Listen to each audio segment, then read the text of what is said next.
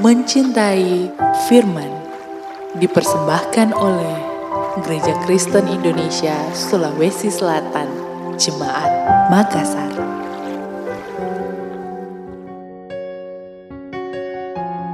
Sobat Kristi yang mencintai firman Tuhan, Shalom. Hari ini kita akan merenungkan satu bagian firman Tuhan dengan tema Allah yang Maha Kuasa. Mari kita membuka Ayub 42 ayat 2. Dengarkanlah firman Tuhan. Aku tahu bahwa engkau sanggup melakukan segala sesuatu dan tidak ada rencanamu yang gagal. Para pendengar Kristi, kata Maha Kuasa itu istilah teologianya omnipotent. Kata ini terdiri dari dua kata, omni yang berarti seluruhnya dan poten berarti kuasa. Kata ini sekaligus merupakan atribut atau sifat dari Allah. Jadi jika Allah Maha Kuasa, itu berarti ia tidak terbatas. Ayub 42 ayat 2 yang tadi kita baca Aku tahu bahwa engkau sanggup melakukan segala sesuatu dan tidak ada rencanamu yang gagal. Saudara, Ayub sangat menyadari bahwa Allah itu maha kuasa, maka segala rencananya, apa yang dia inginkan akan diwujudkannya sesuai rencananya. Memang membahas tema Allah yang maha kuasa itu sangat luas, tapi hari ini kita akan lihat satu bagian saja. Hal ini dapat kita lihat bahwa Allah itu yang maha kuasa pada penciptaan. Pada kejadian pasal 1 ayat yang pertama, pada mulanya Allah. Nah kata tiga kata ini, pada mulanya Allah, itu menunjukkan bahwa pada waktu Allah belum ada segala sesuatu ada. Jadi yang ada adalah Allah.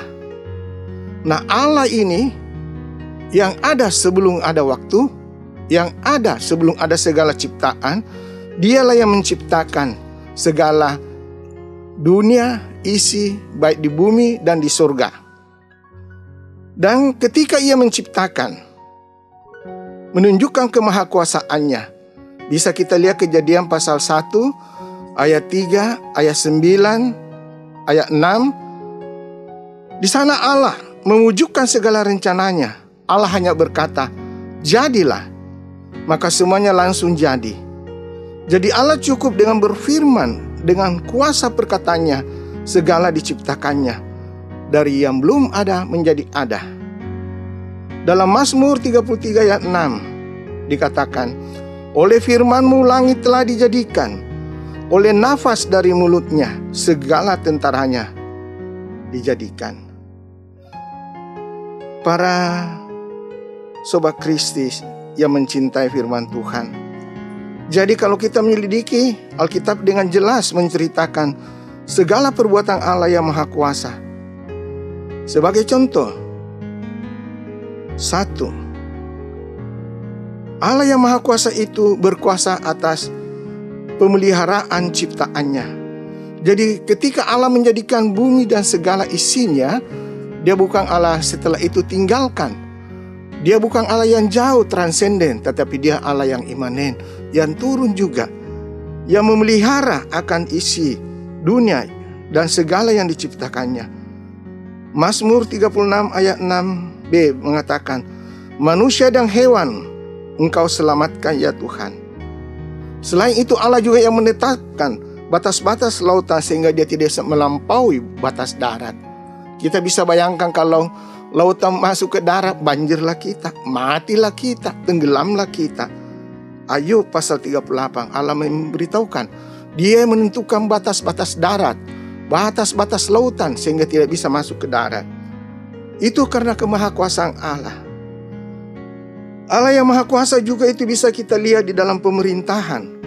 Berdasarkan rencana dan tujuan Allah, dia yang memilih pemerintah, dia yang menetapkan, dan dia yang menurunkan.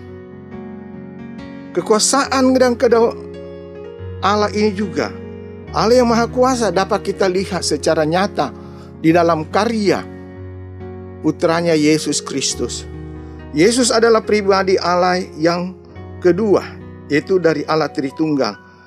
Yesus berarti adalah Allah, maka dia Maha Kuasa.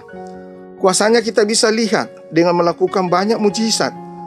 Ia banyak menyembuhkan orang yang sakit, memberi makan 5000 orang. Matius 6 ayat 30 sampai 44. Kita bisa lihat di sana. Ia meredakan badai. Alam semua tunduk kepadanya. Markus pasal 4. Dan ia menunjukkan kuasanya yang paling dahsyat yaitu membangkitkan Lazarus dan anak perempuan Jairus dari kematian. Yohanes 11. Markus pasal 5. Sobat Krisi yang mencintai firman Tuhan. Sangat banyak di Alkitab menceritakan tentang kuasa Allah yang dinyatakan di dalam Yesus. Dalam 1 Korintus 15 ayat 22, firman Tuhan mengatakan, Ia adalah Tuhan dari kehidupan. Semua orang yang percaya akan dibawa dalam kepersekutuan dengan Kristus dan akan diberikan hidup yang kekal. Tentu masih banyak contoh-contoh dalam Alkitab yang tidak bisa kita bahas secara tuntas dalam renungan singkat ini. Yang ingin saya sampaikan bahwa Allah yang kita sembah adalah Allah yang Maha Kuasa. Situasi dunia boleh berubah, keadaan boleh berubah, situasi tidak menentu. Allah tetap tidak berubah. Allah tetap adalah Allah yang Maha Kuasa. Allah tetap Allah yang mengontrol. Sebab segala kuasa dibawa kuasanya yang dahsyat. Itulah sebabnya sebagai Sobat Kris yang mencintai firman Tuhan.